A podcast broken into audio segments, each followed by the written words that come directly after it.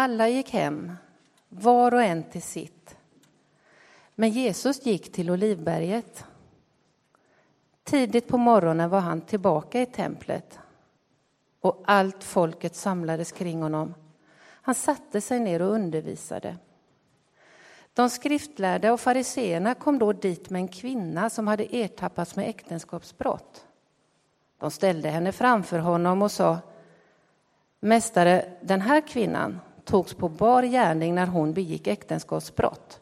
Och i lagen förskriver, förskriver Mose att sådana kvinnor ska stenas. Vad säger du? Detta sa de för att sätta honom på prov och för att få något att anklaga honom för. Men Jesus böjde sig ner och ritade på marken med fingret. Och när de envisades med sin fråga så såg han upp och sa Den som är den av er som är fri från synd ska kasta första stenen på henne. Och så böjde han sig ner igen och ritade på marken. När de hörde hans svar så gick de därifrån, en efter en. De äldste först, och han blev ensam kvar med kvinnan framför sig. Jesus såg upp och sa till henne Kvinna, vart tog de vägen? Var det ingen som dömde dig? Hon svarade Nej, Herre. Och Jesus sa Inte jag heller dömer dig. Gå nu och synda inte mer. Så lyder det heliga evangeliet. Det är tidigt på morgonen i templet. Jesus har satt sig ner och börjat undervisa människor som har kommit dit och samlats runt honom. Och de lyssnar. Och då kommer de skriftlärda och fariseerna fram med en kvinna som de har ertappat med äktenskapsbrott. Hon har brutit mot lagen. Hon har gjort fel och nu tycker de att det är läge att hon får sin dom. Vi vet väldigt lite om den här kvinnan. Vi vet inte vem hon är, hur hennes liv ser ut, hur det gick till när hon ertappades, vad den andra parten i detta är. Vi vet inte heller vilka förutsättningar hon har i sitt liv, vilka val eller icke-val hon har gjort. Det vi vet är att hon just då får sitt misstag uppvisat. Inte bara för Jesus, utan för alla människorna som var där i templet. Och vi vet att runt omkring henne så står det människor som är redo att kasta sina stenar. Vad är det i oss människor som gör att vi ganska så ofta har behov av att offentliggöra andra människors misslyckanden? Och hur kan det komma sig att det oftast är så mycket lättare att se eller åtminstone uppmärksamma vad andra gjort för fel än att se och visa mina egna. Vad innebär det idag att kasta en sten på någon annan? Och när, vid vilka tillfällen känner du att du själv frestas att stå där redo att kasta din sten? Kanske vet du hur det känns att få stenar kastade mot dig. Vad är det för krafter i oss som drar igång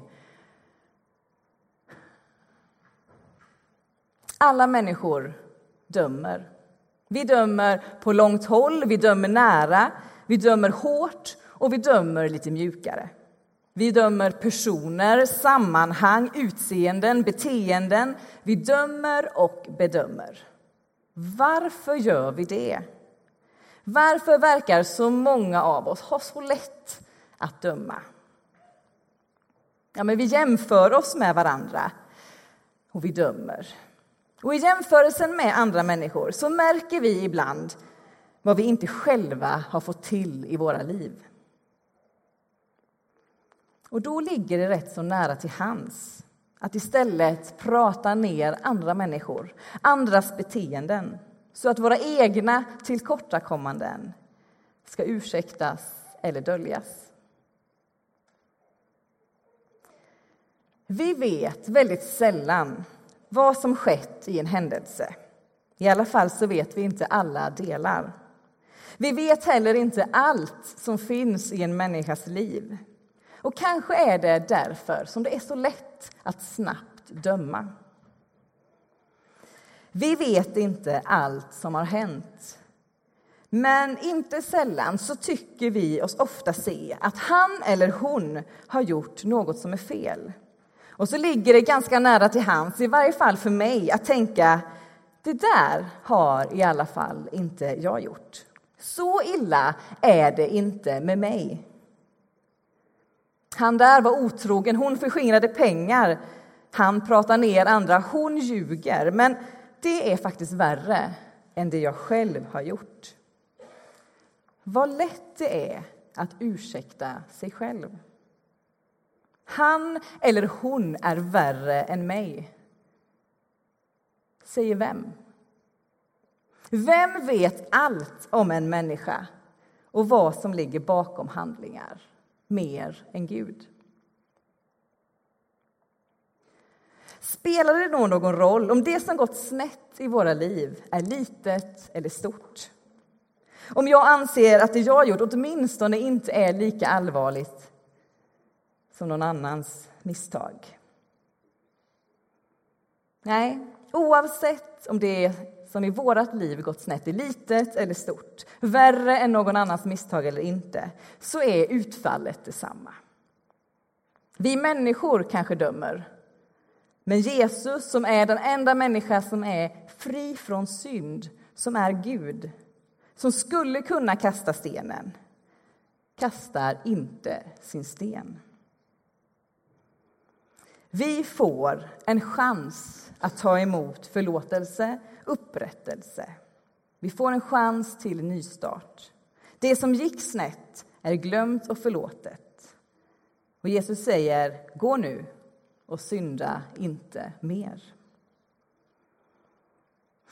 Kvinnan i bibelberättelsen hon är nog smärtsamt medveten om sin egen synd.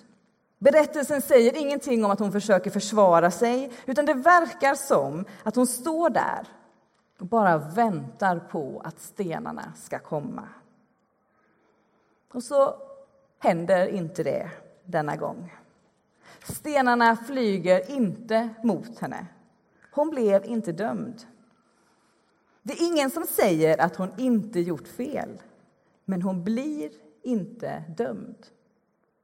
Människorna med de här stenarna i sina händer, de går därifrån, en efter en.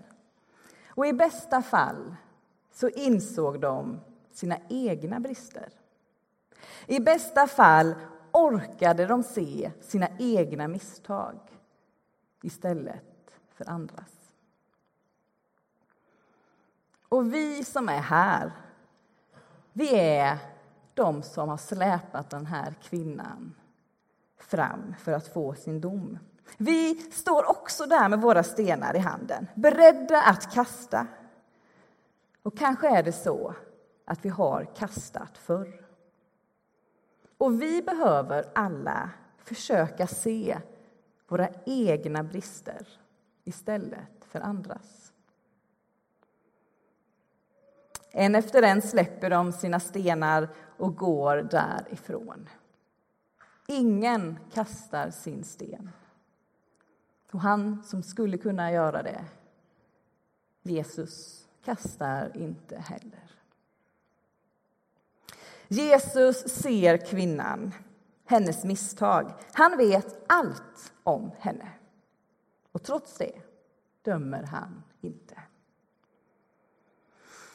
Och vi, du och jag, vi är inte bara de med stenarna i händerna utan vi är även kvinnan. Vi misslyckas. Vi har brister.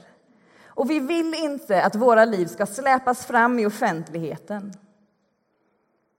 Kanske sitter du här just nu och känner att du är beredd, för snart kommer de där stenarna vinandes mot dig. Kom då ihåg, Gud vet allt om dig och trots det så dömer han inte.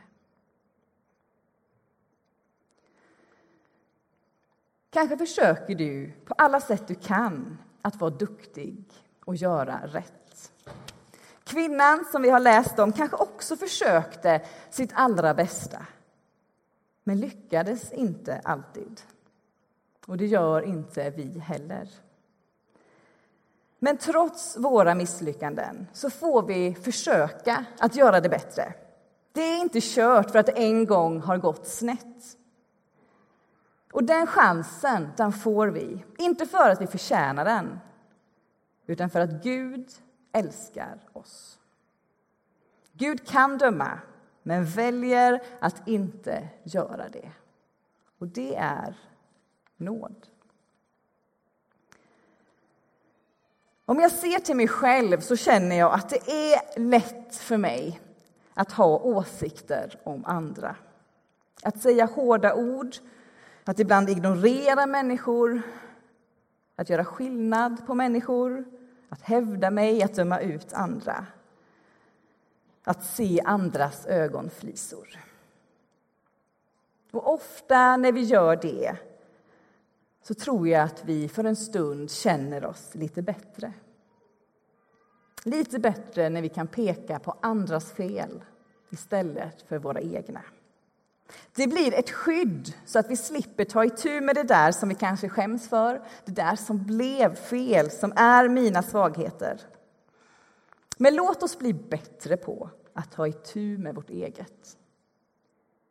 För Gud ser på dig och mig ömsint.